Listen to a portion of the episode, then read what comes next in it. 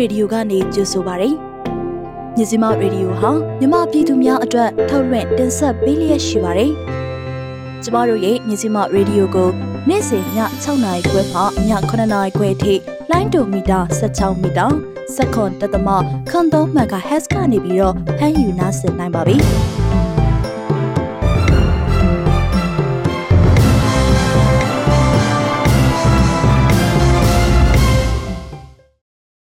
ဂလာပါရှင်မြန်မာနိုင်ငံသူနိုင်ငံသားတွေဘေးကင်းလုံခြုံပြီးစိတ်ချမ်းသာကိုကျန်းမာစွာဖြတ်သန်းနိုင်ကြပါစေလို့မြစီမရေဒီယိုအဖွဲ့သူအဖွဲ့သားတွေကဥဆုံးဆုတောင်းမြတ်တာပို့သလိုက်ပါတယ်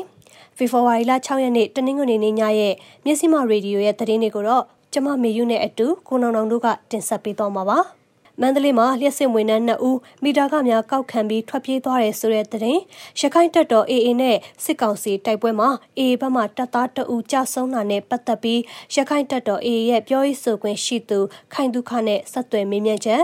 စစ်တပ်ကအိမ်များကိုမိရှို့ခဲ့ပြီးစံနေတဲ့အက်ဆစ်နဲ့ဆက်ပြောင်းမှုတွေရောပြီးတော့ဖျက်ဆီးသွားတာကြောင့်စစ်ဘေးရှောင်1500ခန့်အခုအညီလိုအပ်နေတယ်ဆိုတဲ့အဆရှိတဲ့ပြည်တွင်းသတင်းတွေကိုဆက်လက်တင်ဆက်ပေးကြပါမယ်။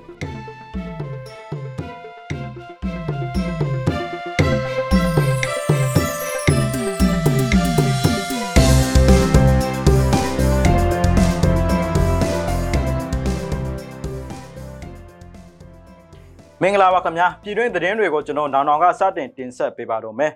မတူပီအခြေစိုက်တက်ရင်ကဒုတက်ချက်တူလက်နက်အပြည့်အစုံနဲ့ CDF မတူပီထံပူးပေါင်းခဲ့တဲ့သတင်းကိုဥဆုံးနားဆင်ရမှာပါရှင်းပြတဲ့အခြေစိုက်ခမရ304တက်ရင်ကကိုပိုင်အမတ်တမြင်းဆောင်1288ဒုတက်ချက်ဆန်းလင်းထွေးဟာဖေဖော်ဝါရီလ3ရက်နေ့မှာ CDF မတူပီတိုက်ရင်၄ထံကိုလက်နက်အပြည့်အစုံနဲ့ဝင်ရောက်လာခဲ့ပါတယ်။သူဟာအကြမ်းဖက်စစ်ကောင်စီလက်အောက်မှာတာဝန်ထမ်းဆောင်လိုစိတ်မရှိတော့တာကြောင့် CDF မတူပီထံဆက်သွယ်လာခဲ့တဲ့အတွက်နှွေးထွေးစွာကြိုဆိုခဲ့ပြီးလွတ်မြောက်နေမြေကိုကောင်းမွန်စွာပို့ဆောင်ပေးခဲ့ပြီးဖြစ်တယ်လို့ CDF မတူပီတိုက်ရင်၄ကထုတ်ပြန်ထားပါတယ်။မတူပီအခြေစိုက်ခမာရ304တိုက်ရင်ဟာမတူပီပလက်ဝလမ်းမကြီးပေါ်မှာတည်ရှိတာပါ။ ပြီးခဲ့တဲ့အောက်တိုဘာလ16ရက်နေ့မှာအဲ့ဒီတိုက်ရင်တွေကပြစ်ခတ်လိုက်တဲ့လက်နက်ကြီးကြီးစားထိမှန်ပြီးဝလံပီးကျေးရွာမှာနေထိုင်တဲ့အသက်9နှစ်အရွယ်ကလေးငယ်တူသေဆုံးခဲ့တယ်လို့သိရပါတယ်ခင်ဗျာ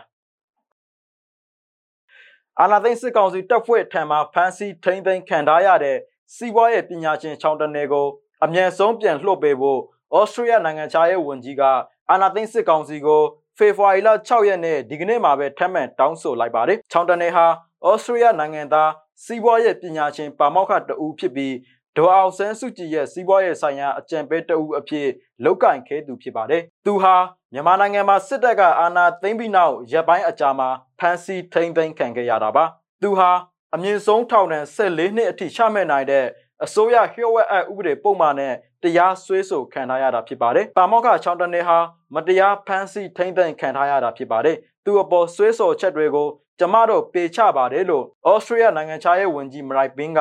ထုတ်ပြန်ချက်မှာပြောဆိုထားပါတယ်။ဘာမောက်ခရှောင်းတန်တွေကိုအမြန်ဆုံးပြန်လှုပ်ပေးဖို့မိမိတို့ထက်လောင်းတောင်းဆိုပါတယ်လို့သူကပြောပါတယ်။မြန်မာနိုင်ငံမှာစစ်တပ်ကအာဏာသိမ်းမှုကြောင့်လူထုဆန္ဒပြပွဲတွေကိုဖြစ်ပေါ်စေခဲ့ပြီးအာဏာသိမ်းစစ်တပ်ကလူမဆန်ရက်ဆက်စွာဖြိုခွင်းနှိမ်နင်းမှုတွေကြောင့်အပြစ်မဲ့အရက်သား1500ကျော်သေဆုံးပြီးလူပေါင်း12000နီးပါးဖမ်းဆီးထိန်းသိမ်းခံခဲ့ရတယ်လို့ ပြည်တွင်းစောင့်ကြည့်လေးလာရေးအဖွဲ့တစ်ခုကပြောပါတယ်။ပြီးခဲ့တဲ့စက်တင်ဘာလအတွင်းကသူ့ရဲ့တရားရုံးကြားနာမှုတစ်ခုမှာဩစတြေးလျတန်ယုံတာဝန်ရှိသူတွေတရားရုံးတွေကိုဝင်ခွင့်ပိတ်ပင်ခံရပြီးနောက်ချောင်းတနေအပေါ်တရားစွဲဆိုမှုတွေနဲ့ပတ်သက်ပြီးစိုးရိမ်ပူပန်မှုတွေကိုလူအခွင့်အရေးအဖွဲ့တွေကထုတ်ဖော်ထားပါတယ်ခင်ဗျာ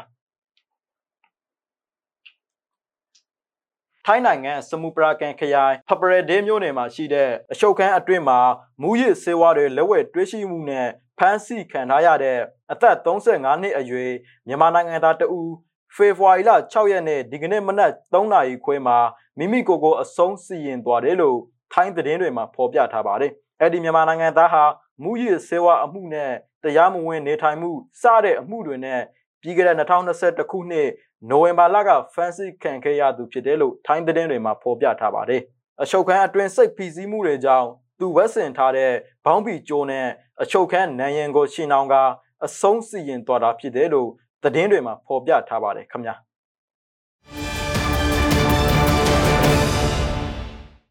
မန္တလေးမှာတော့လျှက်စစ်ဝင်တဲ့နှစ်ဦးဟာမီတာကားတွေကိုကောက်ခံပြီးတော့ထွက်ပြေးသွားတဲ့ဖြစ်စဉ်ဖြစ်ပွားခဲ့ပါတယ်။မန္တလေးမြို့အောင်မြေသာဆန်မြို့နယ်မှာမီတာစရေးနှစ်ဦးကမီတာကားတွေကိုလိုက်လံကောက်ခံပြီးထွက်ပြေးတိမ်းရှောင်သွားလို့မီတာကပေးဆောင်ခဲ့တဲ့သူတွေအခက်အခဲတွေဖြစ်နေကြပါတယ်။ နေအိမ်လျှက်စစ်မီအပြတ်ခံရတဲ့သူတဦးကတော့အခုလိုပြောကြားပါတယ်။မီတာကဆောင်ရွက်သားနဲ့မီလာဖြတ်ခံရလို့ရှုံးသွားပြီးတော့ကျွန်တော်တို့မီတာကပေးလိုက်တဲ့လူနှစ်ယောက်ကထွက်ပြေးနေတာတွေ့ရပါတယ်။ကိုကိစ္စကိုရှင်းကြရုံးဘက်ကတော့အမှုဖွင့်ထားတယ်လို့ပဲပြန်ပြောတယ်။အရင်မီတာကစောင့်ထားတာတွေကဒီနှကောင်ကငွေမသွင်းသွားလို့အကျုံးမဝင်ဘူးတဲ့ဆိုပြီးပြောကြပါတယ်။ အခုထွက်ပြေးသွားတဲ့သူနှစ်ဦးဟာမန္တလေးလျှက်စစ်တအားပေးကော်ပိုရေးရှင်းအောင်မြေတာဆန်မြို့နယ်လျှက်စစ်မန်နေဂျာရှုံးမှာမီတာစရေးတာဝန်ထမ်းဆောင်နေတဲ့သူနှစ်ဦးဖြစ်ပြီးတော့တဦးကတော့ရဲမီတာစုဝင်ဖြစ်တယ်လို့လျှက်စစ်ရုံးနဲ့နှိဆက်သူကဆိုပါတယ်မီတာလာကောက်တဲ့နှစ်ယောက်ထဲကတယောက်ကရဲစခန်းထဲမှာနေပါတယ်အမှတ်နှစ်ကပါကျွန်တော်တို့ကပြဿနာတွေဖြစ်လာချိန်မီတာယုံလဲကိုယ်တိုင်မသွားရတော့မီတာကလာကောက်တဲ့စရေးနဲ့ပေးမိတာပါနှစ်ယောက်လုံးကမီတာယုံကဆိုတော့သိနေတော့ပေးမိတာပါ အခုတော့ဒီနှစ်ယောက်ကထွက်ပြေးလို့အမှုဖွင့်ထားတယ်ဆိုပြီးပဲရှုံးကပြောကြားကြောင်းမိသားကပေးဆောင်ခဲ့သူတဦးကဆိုပါတယ်အမေသာသာမြို့နယ်လျှက်စစ်မန်နေဂျာရုံးကမီတာစရေးနှစ်ဦးဖြစ်တဲ့ဥပုဒ္ဒေရက်ကွက်အမှတ်နှစ်နယ်မြေရဲစခန်းနေဥအောင်မြတ်မိုးနဲ့အကွက်25ဥပုဒ္ဒေရက်ကွက်နေဥရရင်ကျော်ဆိုသူတို့ကိုတာဝန်ကနေရက်ဆဲပြီးရဲစခန်းမှာတော့လက်ရှိမှာအမှုဖွင့်ထားကြောင်းစုံစမ်းသိရှိရပါတယ် ဆက်လက်ပြီးနောက်တော့ဆင်ရမှာကတော့ရခိုင်တပ်တော် AA နဲ့စစ်ကောင်စီရဲ့တိုက်ပွဲမှာအေဘက်မှတပ်သားတအူကြဆုံးခဲ့တဲ့တဲ့တင်ကိုနားဆင်ရမှာပါရခိုင်ပြည်နယ်မောင်နှောမြို့နယ်မြောက်ပိုင်းမိတိုက်ကျေးရွာအရှိမြောက်ဘက် လက်ပံတောင်ဘက်မှာဖေဖော်ဝါရီလ၄ရက်နေ့ကရခိုင်တပ်တော် AA နဲ့စစ်ကောင်စီတပ်တို့တိုက်ပွဲဖြစ်ပွားတယ်လို့သိရပြီးအဲ့ဒီတိုက်ပွဲအတွင်းမှာရခိုင်တပ်တော် AA ဘက်ကတပ်သားတအူးကြာဆုံးခဲ့ရပါတယ်။စစ်ကောင်စီဘက်ကတော့ထိခိုက်ကြာဆုံးမှုတွေရှိခဲ့ပေမဲ့အတိအကျကိုတော့အတိမပြုတ်နိုင်သေးပါဘူး။ဒီတိုက်ပွဲနဲ့ပတ်သက်ပြီးရခိုင်တပ်တော် AA ရဲ့ပြောရေးဆိုခွင့်ရှိသူခိုင်တုခနဲ့ဆက်သွယ်မေးမြန်းချက်ကိုနားဆင်ရမှာပါ။ဟုတ်ကဲ့ပါဒီ2022ခုဒီဖေဖော်ဝါရီလ4ရက်နေ့ ဟိုနေ့လေပိုင်းမှာဒီမြန်မာစစ်တပ်နဲ့ဒီကျွန်တော်တို့ရခိုင်တပ်တို့ကြားမှာတိုက်ပွဲဖြစ်တာရှိတယ်ဗျဒီမြန်မာစစ်တပ်ရဲ့ခမာယာ352စစ်ကြောင်းတစ်ကဒီကျွန်တော်တို့ရခိုင်တပ်တို့တပ်ဖွဲ့တွေအခြေပြုထားတဲ့နေရာကိုဟိုရုပ်ချီဝင်ရောက်လာပြီးတော့မှဒီကျွန်တော်တို့ဘက်ကဒီကင်းသမားကိုလက်ဦးမှုယူပစ်ခတ်တဲ့အတွက်ကြောင့်မို့လို့ဒီ မွန်းလွဲ2နာရီက2နာရီ51မိနစ်ကနေပြီးတော့3နာရီ38မိနစ်ထိပေါ့နော်ဒီ46မိနစ်ကြာတိုက်ပွဲဖြစ်ပွားခဲ့တာရှိတယ်ဟိုတိုက်ပွဲဖြစ်တဲ့နေရာကတော့ဒီမောင်တိုးမြို့နယ်မိတဲ့ရွာရဲ့အရှေ့မြောက်ဘက်ဟို3.5ကီလိုမီတာအကွာဒီလက်ပံတောင်ကျိုးမှာဖြစ်တာဗျဟိုထိခိုက်ကြဆုံးမှုကတော့ဒီကျွန်တော်တို့ဘက်ကဒီကင်းဆောင်နေတဲ့ရဲဘော်တယောက်ကြဆုံးတာရှိတယ် နောက်ဒီမြန်မာစစ်တပ်ဘက်ကတော့ဟိုထိခိုက်ကြဆုံးမှုတွေရှိတယ်ဗျဒါမဲ့ဟိုလိုးလို့စီဘယ်နှယောက်လေးဆိုတဲ့အသေးစိတ်ကတော့ဟိုမသိရသေးဘူးဟိုတိုက်ပွဲတွေဆက်ပြီးတော့ဖြစ်မယ်မဖြစ်ဘူးဆိုတာကတော့ဒီမြန်မာစစ်တပ်ရဲ့ဟိုစစ်ရေးလှုပ်ရှားမှုပုံမှာအများကြီးမူတည်တယ်ဗျဟိုကျွန်တော်တို့ကတော့ဒီမြန်မာစစ်တပ်ဘက်ကလှုပ်ရှားမှုပုံမှာမူတည်ပြီးတော့ဟိုလိုအပ်ရင်လိုအပ်သလိုဒါတုံ့ပြန်လှုပ်ဆောင်သွားမှာဖြစ်တယ်ဗျဟို အခုလိုမျိုးဒီမြန်မာစစ်တပ်ဘက်က ကျွန်တော်တို့ ရခိုင်တပ်တော် တပ်ဖွဲ့တွေရှိတဲ့နေရာကိုဟိုရုတ်တရက်ဒီဝင်ရောက်ဟိုပြစ်ခတ်တယ်ဆိုတာကတော့ဟိုတည်ငြိမ်နေတဲ့ဒီရခိုင်ပြည်ကိုဟိုမတီမငြိမ်ဖြစ်အောင်နော်ဒီအခြေအနေတွေ အခုထက်ပိုပြီးတော့ဒါဆိုးဝါးလာအောင်ဒီမြန်မာစစ်တပ်ဘက်က ရည်ရွယ်ချက်ရှိရှိနဲ့ဒါလုံနေတဲ့သဘောလေးဖြစ်နိုင်တယ်လို့ဒါသုံးသပ်ရတာပေါ့နော်အခုနောက်ဆုံးအနေနဲ့ နားဆင်ရမှာကတော့စစ်တပ်ကအိမ်များကိုမီးရှို့ပြီးစံနေတဲ့ကိုအဆင့်နဲ့စက်ပြမုံများရောဂါဖျက်ဆီးသွားလို့စစ်ပေးဆောင်1500ခန့်အခုအညီလိုအပ်နေတဲ့သတင်းကိုနားဆင်ရမှာပဲဖြစ်ပါတယ်။စကိုင်းတိုင်းမြိုင်မြို့နယ်မှာရှိတဲ့ညောင်ပင်သာကျေးရွာအားစစ်ကောင်စီတပ်များဝင်ရောက်မှွေနှောက်ဖျက်ဆီးပြီးနေအိမ်ထဲမှာရှိတဲ့စံတွေတဲ့အဆင့်နဲ့စက်ပြမုံတွေရောနှောဖျက်ဆီးသွားတယ်လို့သိရှိရပါတယ်။ဇန်နဝါရီလ29ရက်နေ့နဲ့30ရက်နေ့မှာအင်ဂျင်နီယာခန့်ရှိတဲ့ညောင်ပင်သာရွာကိုစစ်ကောင်စီတပ်တွေဝင်ရောက်မှွေနှောက်ဖျက်ဆီးခဲ့တာပါကိုရိုင်းမျက်မြင်ကြုံတွေ့ခဲ့ရတဲ့ညောင်ပင်သားကြေးရွာသားတဦးကတော့ရွာထဲမှာစစ်သားတွေတညအိတ်နှစ်ရက်လောက်နေသွားကြတယ်ရွာမှာရှိတဲ့ကြက်ဝက်တွေကိုတတ်စားတယ်နေအိမ်တွေကိုဖျက်ဆီးတယ်စီပုံးတွေရှေကဲတစ်တာတွေကိုရိုက်ခွဲတယ်ရှေပိုက်တွေဖောက်ရေကန်တွေကိုရိုက်ခွဲတယ်ဆိုင်ကယ်တွေပတ်စီးလမ်းတွေပေါ်မှာပစ်ထားခဲ့ကြပါတယ်။ကြံခဲ့တဲ့ပဲတွေစံနေတဲ့ကိုလည်းဘက်ထရီအိုးတဲ့ကအက်ဆစ်တင်နဲ့ဆက်ပြောင်းမှုတွေကိုရောပြီးတော့ထားခဲ့တယ်ဆိုပြီးပြောကြားခဲ့ပါတယ်။ အင်အားတရာခန့်ရှိတဲ့စစ်ကြောင်းဟာမြိုင်မြို့နယ်ကထွက်လာပြီးပလဲမြို့နယ်မှာရှိတဲ့မွေတုံကျေးရွာပန်းရွာလှော်ကားကြေးရွာတွေကိုထပ်မံလို့ဝင်ရောက်မိရှို့ဖျက်ဆီးမှုတွေလုပ်ကြကြောင်းလည်းသိရှိရပါတယ်။အဲ့လိုမိရှို့ခံရလို့မွေတုံကြေးရွာမှာ169အိမ်ပန်းရွာမှာ185အိမ်လှော်ကားကြေးရွာမှာတော့အင်ဂျီ200ကျော်မိရှို့ပျက်စီးသွားတယ်လို့လည်းသိရှိရပါတယ်။ အခုလိုမီးရှို့ခံခဲ့ရတဲ့အချိန်ဟာတောင်သူများစိုက်ပျိုးသီးနှံရိတ်ချင်းတဲ့အချိန်ဖြစ်ရမှာစပက်ကြီးထဲမှာတူလောင်ထားတဲ့သီးနှံတွေပါပျက်စီးဆုံးရှုံးခဲ့ရကြောင်းသိရပါတယ်။ဒါအပြင်ခြံထဲမှာရှိနေတဲ့ခိုင်းနွားတွေနဲ့ကြက်ဝက်တွေလည်းမီးလောင်တဲ့ထဲကိုပါသွားခဲ့ရတယ်ဆိုပြီးပန်းရွာကလယ်သမားတအုပ်ကဆိုပါတယ်။ပန်းရွာမီးရှို့ခံရတဲ့ဖြစ်စဉ်ကိုစစ်တပိုင်ရုံမြင့်တန်ကြားဖြစ်တဲ့မြဝတီရုပ်တံမှာတော့ဒေသခံပြည်သူကာကွယ်ရေးတပ်တွေကမီးရှို့ကြတယ်ဆိုပြီးဖေဖော်ဝါရီလ3ရက်နေ့မှာမဟုတ်မှန်ဝါဒဖြန့်ထားတာကိုလည်းတွေ့ရှိရပါတယ်။ မိလောင်မြေကြားမှာလွတ်မြောက်ခဲ့တဲ့အသက်60ခန့်အရွယ်အဖွားတဦးကတော့ဘေးနားကအိမ်ကိုမိလောင်တော့အဖွားလဲတုတ်တချောင်းကိုကင်ပြီးတဖြည်းဖြည်းချင်းရွေ့ခဲ့ရပါတယ်ဆိုပြီးအဲ့ဒီနေ့ကဖြစ်စဉ်ကိုပြန်ပြောင်းပြောပြပါတယ်အဲ့အဖွားရဲ့ညာဘက်ခြေဖနှောက်နဲ့ပေါင်မှာတော့မိအနှဲငယ်လောင်ကျွမ်းခဲ့ပြီးတီတန်ရာတွေကိုတော့ပြည်သူတွေကနေပြီးတော့မျက်စိမှထံပေးပို့လာတဲ့ရုပ်သံဖိုင်တွေမှာတွေ့ရှိရပါတယ်။ လက်ရှိအချိန်မှာတော့ပန်းရွာမွေတုံလှော်ကားနဲ့ညောင်မင်းသားကြီးရွာများမှာဒေသခံစစ်ပေးရှောင်မိပေးသင့်ပြည်သူ1500ခန့်ဟာစောင်းဝင်နေရေးဒုက္ခရောက်နေကြတယ်ဆိုပြီးတော့လည်းသိရှိရပါတယ်ရှင်။ ဖားကတ်မြို့နယ်မှာစစ်ကောင်စီတပ်ကရဟန်းရှင်တွေနဲ့အင်အားဖြည့်တင်းနေတယ်လို့သိရှိရပါတယ်။ကချင်ပြည်နယ်ဖားကတ်မြို့နယ်နတ်ရကြီးရွာမှာမနေ့ကဇန်နဝါရီလ9ရက်ညနေ9နာရီခန့်မှာစစ်ကောင်စီတပ်ကရဟန်းရင်နှစ်စီးနဲ့၄ချိန်ခန့်တပ်သားများအတင်အချပြုလုပ်ပြီးအင်အားဖြည့်တင်းနေတယ်ဆိုပြီးတော့ဒေသခံတွေကပြောပါတယ်။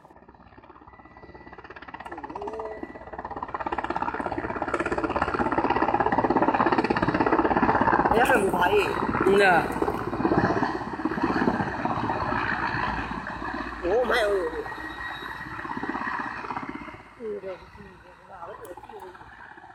နန်ရကျေးရွာဒေသခံတဦးကတော့မနေ့ကတိုက်ပွဲပြင်းထန်တော့စစ်ကောင်စီဘက်ကထိခိုက်တာတွေများသွားတယ်အဲ့တော့နန်ရကျေးရွာမှာရဟရင်နှစ်စီးနဲ့စစ်သားတွေကိုလာချသွားပါတယ်ထိခိုက်ဒဏ်ရာရတဲ့သူတွေကိုအဲ့လေရင်တွေနဲ့ပဲပြန်တယ်သွားတယ်အဲ့လေရင်နှစ်စီးနဲ့တင်လိုက်ချလိုက်၄ချိန်လောက်လောက်ကြတယ်ဆိုပြီးတော့မျက်စိမှထန်ဖြေကြပါတယ်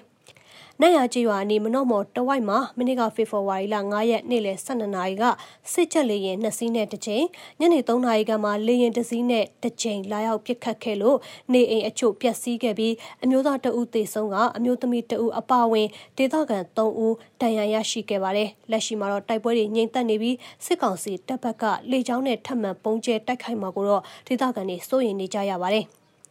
နတ်ရအနီးမနော့မော်တဝိုက်မှာစစ်လေရင်နဲ့ပုံကျဲတိုက်ခိုက်မှုကြောင့်အနီးတဝိုက်မှာရှိတဲ့မာနော်ရွာခွန်ဆိုင်ရွာဂေါလူရန်ရွာခရိုင်ရွမ်ကျေးရွာမှာရှိတဲ့အိမ်တော်စု20ကျော်ပြည်သူ100ကျော်ဟာစိုင်ဖရာဖျားကျောင်းဝန်းကိုစစ်ပေးရှောင်နေကြရပါတယ်။ဒီနေ့ဖေဖော်ဝါရီလကစတင်လို့ကချင်ပြည်နယ်ဖားကတ်မြို့နယ်အတွင်းမှာစစ်ကောင်စီတပ်နဲ့ KIA တို့ကြားတိုက်ပွဲပြင်းထန်လျက်ရှိနေတာပါ။ ကျမတို့ရဲ့မြစီမရေဒီယိုကိုနေ့စဉ်ညနေ6နာရီခွဲမှ9နာရီခွဲအထိတိုင်းတူမီတာ16မီတာ7.3တက်သမခွန်3 MHz ကနေပြီးဖမ်းယူနိုင်စင်နိုင်ပါပြီ။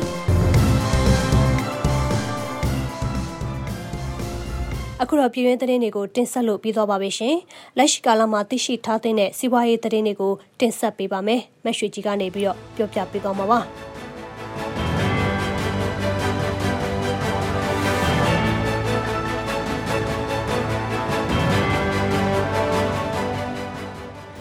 မြန်မာနိုင်ငံမှာနိုင်ငံရေးမတည်ငြိမ်မှုနဲ့အတူငွေကြေးစည်းနှုန်းတွေလည်းမတည်မငြိမ်ဖြစ်လာခဲ့ပြီးပြင်ပဈေးကွက်မှာအမေရိကန်ဒေါ်လာကိုမြန်မာငွေကျပ်3000နီးပါးထိပေါက်ဈေးရှိခဲ့က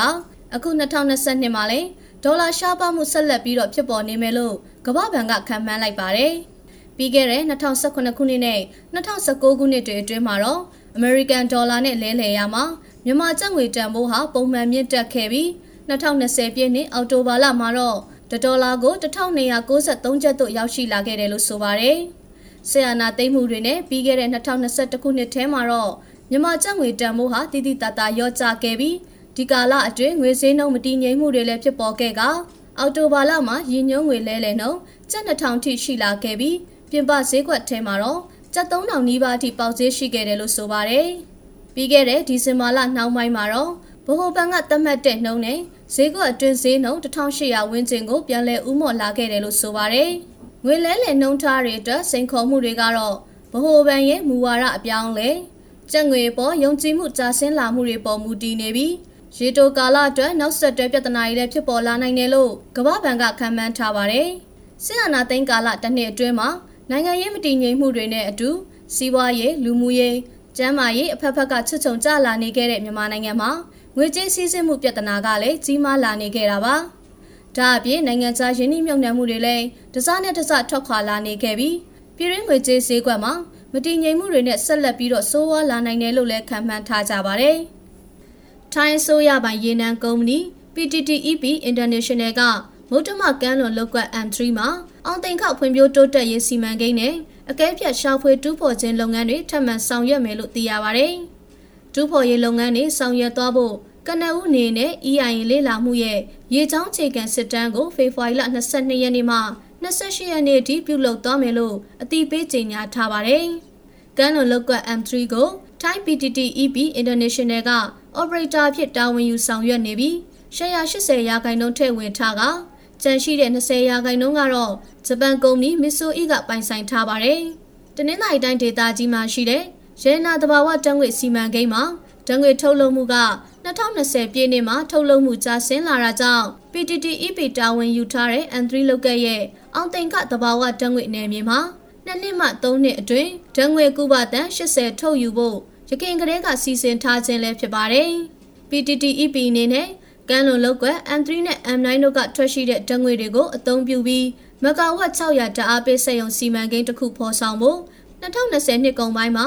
MOE ထံကလုတ်ကင်ခွင့်လည်းရရှိထားပါတယ်။ AR တိုင်းဒေသကြီးကြိုက်လက်ဒေသမှာဖော်ဆောင်ဖို့စီမံကိန်းအတွက် American Dollar 2ဘီလီယံခန့်ယင်းနှိမ့်မြုပ်နှံသွားမှာဖြစ်ပြီးထွက်ရှိတဲ့လျှက်စစ်ဓာတ်အားတွေကိုရန်ကုန်မြို့ကိုပို့လို့ဖြန့်ဖြူးပေးမယ်လို့သိရပါတယ်။အာနာသိန်းစစ်တပ်ကိုဒေါ်လာတန်းနဲ့ချီဝင်ငွေရှာပေးနေတဲ့မြန်မာနိုင်ငံရဲ့သဘာဝဓာတ်ငွေလုပ်ငန်းမှာအဓိကစီးပွားဘက်တွေဖြစ်တဲ့ပြင်သစ်စွမ်းအင်ကုမ္ပဏီ Total Energy နဲ့ American စွမ်းအင်ကုမ္ပဏီ Chevron တို့ဟာ မြန်မာနိုင်ငံကထွက်ခွာဖို့ကြေညာပြီးနောက်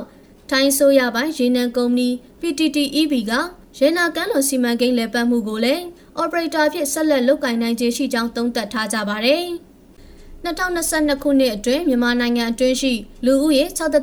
တန်းကိုလူသားချင်းစာနာတဲ့ထောက်ပံ့မှုအကူအညီများပေးနိုင်ရန်ကုလသမဂ္ဂကဖေဖော်ဝါရီလ၁ရက်နေ့ကအမေရိကန်ဒေါ်လာ826တန်းစံချိန်တင်တောင်းခံခဲ့ကြောင်းသိရပါဗျ။ မြန်မာနိုင်ငံရဲ့လူဦးရေ54တန်းအနက်25တန်းဟာစည်ရဲကြက်တဲမှုနဲ့ရင်ဆိုင်နေရပြီးကလေးငယ်9တန်းအပါအဝင်14.4တန်းဟာလူသားချင်းစာနာထောက်ပံ့မှုအကူအညီများလိုအပ်နေကြောင်းကုလသမဂ္ဂအဖွဲ့အစည်းကခန့်မှန်းထားပါတယ်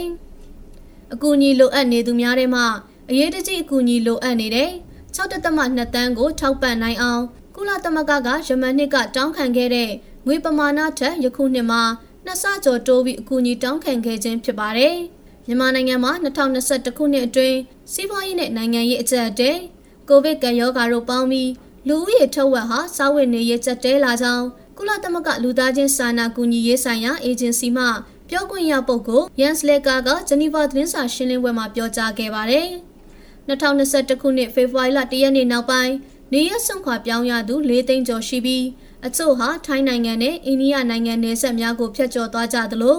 အချို့ကလည်းတောထဲမှာစားစရာနေစရာစေဝါကူညီအလုံးလောက်မရှိကြပဲခိုလုံနေကြကြောင်းပြောဆိုခဲ့ကဒုက္ခသည်များရှိတဲ့နေရာများကိုအစားအသောက်နဲ့ကျန်းမာရေးစောင့်ရှောက်မှုများပေးပို့နိုင်အောင်လူသားချင်းကူညီစာနာရေးဖွဲ့များကိုထိတွေ့ဆက်သွယ်ခွင့်ပြုပေးရန်လည်း၎င်းကတောင်းဆိုခဲ့တယ်လို့သိရပါဗျ။ထိုင်းနိုင်ငံမှာအကြောင်းမျိုးမျိုးကြောင့်နေရပြန်လာသူမြန်မာရွှေပြောင်းအလုပ်သမားများအောင် မြဝရီအမှတ်နှစ်ချစ်ကြည်ရေးတရားမှာဩဂတ်စ်လ၁ရက်နေ့မှာဖေဖော်ဝါရီလ၂ရက်နေ့အထိ24,388ဦးပြန်လည်ဝင်ရောက်ခဲ့ပြီးဖြစ်ကြောင်းသိရပါဗျ။ထိုင်းနိုင်ငံမှနေရပြန်လာသူများကိုတရက်ချပြီးတနေ့လျင်လူ900ဦးလက်ခံခဲ့ရမှကိုဗစ်စတုတ်ထလိုင်းအိုမီခရွန်ကိုကာကွယ်တဲ့အနေနဲ့တပတ်လျင်200ဦးသာလက်ခံခဲ့ပြီးယခုအခါဒီဇင်ဘာလ15ရက်နေ့မှစတင်ကတပတ်လျင်3ရက်တရက်လျင်200နှုန်းလက်ခံခဲ့ခြင်းဖြစ်ပါတယ်။ မဲဆောက်မြောက်ရီလမ်းမှတဆင်နေရပြန်လာသူအလုပ်သမားတွေဟာမြောက်ရီမြို့ကွာရန်တင်းစင်တာတွေမှာနှာခေါင်းတိုးပတ်အကောင်တိုးပတ်တို့စစ်ဆေးခံရမည်ဖြစ်က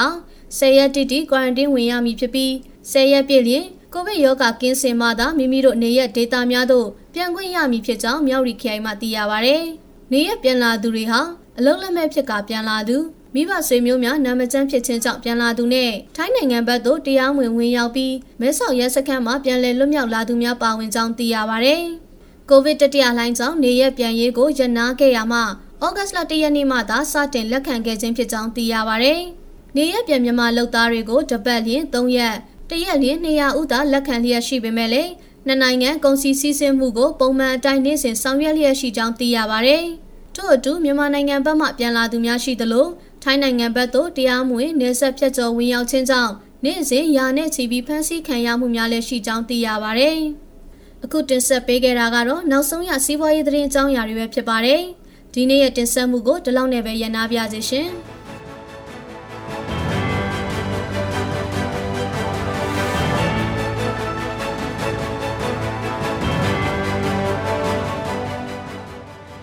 နိုင်ငံတကာမှာဖြစ်ပေါ်ပြောင်းလဲနေတဲ့နိုင်ငံတကာ update သတင်းတွေကိုနားဆင်ရမှာဖြစ်ပါတယ်ရှင်။မှုကနေတင်ဆက်ပေးထားပါတယ်။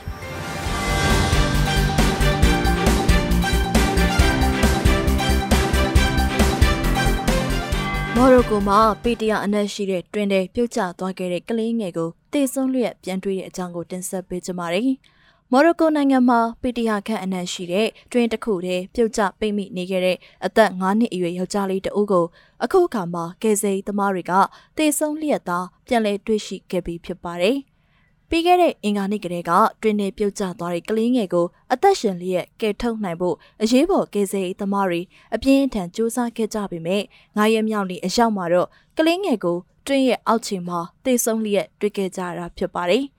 JN Oran အမည်ရတဲ့ကလေးငယ်အသက်ဆုံးရှုံးခဲ့ရတဲ့ဒီဝမ်းနဲ့ပွဲမတော်တဆမှုဖြစ်ပြီးတဲ့နောက်မော်ရိုကိုဘရင်စက်ထမမြောက်မိုဟာမက်ကကလေးငယ်ရဲ့မိဘတွေကိုအားပေးဖို့ခေါ်ထားပါတယ်ဆိုပြီးတော်ဝင်နန်းတော်ကထုတ်ပြန်ပါတယ်။အနက်32မီတာပေတရာခန့်ရှိတဲ့တွင်းထဲကနေရီယန်ကိုကဲထုတ်ဖို့ရက်တွေနဲ့ကြာလှုပ်ဆောင်ခဲ့စဉ်အတွင်းမှာကလေးငယ်ဟာတည်သလားရှင်သလားမသိနိုင်ဘူးဆိုပြီးအာနာပိုင်တွေကကနအုပ်ကလေးကသတိပေးထားခဲ့တာဖြစ်ပါတယ်။ ဒါပေမဲ့အခုအခါမှာတော့ကလင်းငယ်တည်ဆုံးပြီဆိုတဲ့သတင်းကြောင့်နိုင်ငံမြောက်ပိုင်း Ref တောင်တန်းမှာရှိတဲ့သူတို့ရဲ့နေအိမ်ရှိရာ E-Grain ကြေးရွာမှာဝမ်းနဲ့ညှို့ငယ်မှုတွေကိုဖြစ်ပေါ်စေခဲ့ပါတယ်။အဲ့ဒီနေရာမှာတော့ထောင်နဲ့ချီတဲ့စေတနာဝန်ထမ်းတွေဟာမိသားစုနဲ့အတူတသားတည်းရှိကြောင်းပြသဖို့အတွက်အခုအပတ်အတွင်းမှာလာရောက်စုဝေးရောက်ရှိနေခဲ့ကြတာဖြစ်ပါတယ်။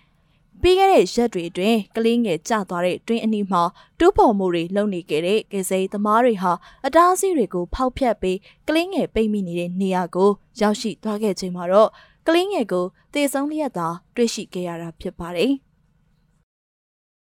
နောက်ထပ်သတင်းတစ်ပုဒ်အနေနဲ့ American စီးပွားရေးလုပ်ငန်းဥပဒေကြမ်းမှာတရုတ်ဝီဂါရီအတွက်အကာအကွယ်သစ်တွေပါဝင်နေဆိုတဲ့သတင်းကိုတင်ဆက်ပေးကြပါမယ်။ တရုတ်နိုင်ငံရှင်ကျန်းဒေသမှာရှိတဲ့ဝီဂါရီအပါအဝင် အခြားလူနည်းစုတွေကိုနှိပ်စက်ညှဉ်းပန်းမှုတွေအပါအဝင်လူအခွင့်အရေးချိုးဖောက်မှုတွေနဲ့ပတ်သက်ပြီးတရုတ်ကိုရင်ဆိုင်နေစဉ်အမေရိကန်နည်းပညာလုပ်ငန်းကိုပံ့ပိုးကူညီဖို့ရည်ရွယ်တဲ့ကျယ်ပြန့်သောဥပဒေကြမ်းတရက်ကိုအမေရိကန်အောက်လွှတ်တော်မှာရှိတဲ့ဒီမိုကရက်တွေကဇန်နဝါရီလ25ရက်နေ့မှာထုတ်ပြန်ခဲ့ပါတယ်။ America Combat Act လို့ခေါင်းစဉ်တက်ထားတဲ့အဲ့ဒီဥပဒေဟာငွေကြေးဖောင်းပွားမှုတွေကြောင့်စီးပွားရေးလုပ်ငန်းရှင်တွေကတစိမ့်တစ်ပိုင်းအပြစ်တင်နေတဲ့ပြည်ရင်းတစ်ပိုင်းလျှက်ကူပစ္စည်းထုတ်လုပ်မှုကိုတွန်းပြဖို့နဲ့ American ထောက်ပံ့ရေးခွင့်ဆက်မှာရှိတဲ့အားနည်းချက်တွေကိုပြုပြင်ဖို့အတွက်အနည်းဆုံးကန်ဒေါ်လာ52ဘီလီယံသုံးစွဲသွားမှာပဲဖြစ်ပါတယ်။ အကြမ်းမြင့်အပြင်စာမျက်နှာ2900ခန်းရှိတဲ့အစီအမံတွေမှာရခိုင်ကတင်သွင်းခဲ့တဲ့ဥပဒေကြမ်းတွေစူးစီးမှုဖြစ်ပြီးတော့မွတ်စလင်ဝီဂါရီတိဘက်တွေနဲ့ဟောင်ကောင်သားတွေအပေါ်မှာတရုတ်ရဲ့ဆက်ဆံမှုနဲ့ပတ်သက်တဲ့ဘာသာစကားအပါအဝင်နိုင်ငံခြားရေးမူဝါဒပြဋ္ဌာန်းချက်တွေလည်းအများအပြားပါရှိပါတယ်။ဥပမာအားဖြင့်ဝီဂါရီပေါ်မှာညှဉ်းပန်းနှိပ်စက်မှုတွေအတွက် တရုတ်ပေါ်ပိတ်ဆို့အရေးယူမှုအသစ်တွေချမှတ်မှာဖြစ်ပြီးတော့တရုတ်အစိုးရကဖိနှိပ်ခံနေတဲ့ဝီဂါနဲ့ဟောင်ကောင်တွေဟာဒုက္ခသည်တွေကိုအကာအကွယ်ပေးမှာဖြစ်ပါတယ်။အဲ့ဒီဥပဒေကြမ်းဟာထိုင်ဝမ်နဲ့အမေရိကန်ဆက်ဆံရေးကိုခိုင်မာစေဖို့လဲကြိုးပမ်းထားပါတယ်။ရှင်ကျမ်းမှာမွတ်စလင်အများစုဖြစ်တဲ့ဝီဂါရီနဲ့အခြားတူရကီလူနည်းစုတွေအပေါ်မှာတရုတ်ရဲ့အကြမ်းဖက်မှုဟာလူမျိုးတုံးတပ်ဖြတ်မှုနဲ့လူသားမျိုးနွယ်ပေါ်မှာကျူးလွန်တဲ့ရာဇဝတ်မှုတွေကိုကျူးလွန်ကြောင်းအမေရိကန်ကပြောကြားထားပါတယ်။ 2022ခုနှစ်ပေကျင်းစောင်းရသည့်အိုလံပစ်ပွဲတော်ကိုအေရှန်တရုတ်နိုင်ငံရဲ့စိတ်ပြတ်ဖွယ်ရာလူခွင့်ရေးမှတ်တမ်းတွေကြောင့်အမေရိကန်ကတန်တမန်နီးရတပိတ်မှောက်ခဲ့ပါတယ်။ဒီဥပဒေမူကြမ်းကအရှိတာကစ္စတန်မှာတရုတ်ရဲ့လက်ရှိလှုပ်ဆောင်နေတဲ့ကိုလိုနီပြုမှုလူမျိုးတုံးတပ်ဖြတ်မှုနဲ့တင်ပိုက်မှုတွေကိုကုညီအဆုံးသတ်ပေးဖို့အမေရိကန်ရဲ့ခိုင်မာတဲ့လှုပ်ဆောင်ချက်တွေဖြစ်ပေါ်လာလိမ့်မယ်လို့ကျွန်တော်တို့မျှော်လင့်ပါတယ်ဆိုပြီး အဝေးရောက်အရှိတာကစ္စတန်အစိုးရရဲ့ဝန်ကြီးချုပ်ဆာလစ်ဟူဒါရာကပြောကြားခဲ့ပါတယ်။ကျမတို့ရဲ့မြစီမရေဒီယိုကိုနေ့စဉ်ညနေ6နာရီခွဲမှ9နာရီခွဲအထိတိုင်းတူမီတာ16မီတာ7.3တက်မှခွန်3မဂါဟက်စ်ကနေပြီးဖမ်းယူနားဆင်နိုင်ပါပြီ။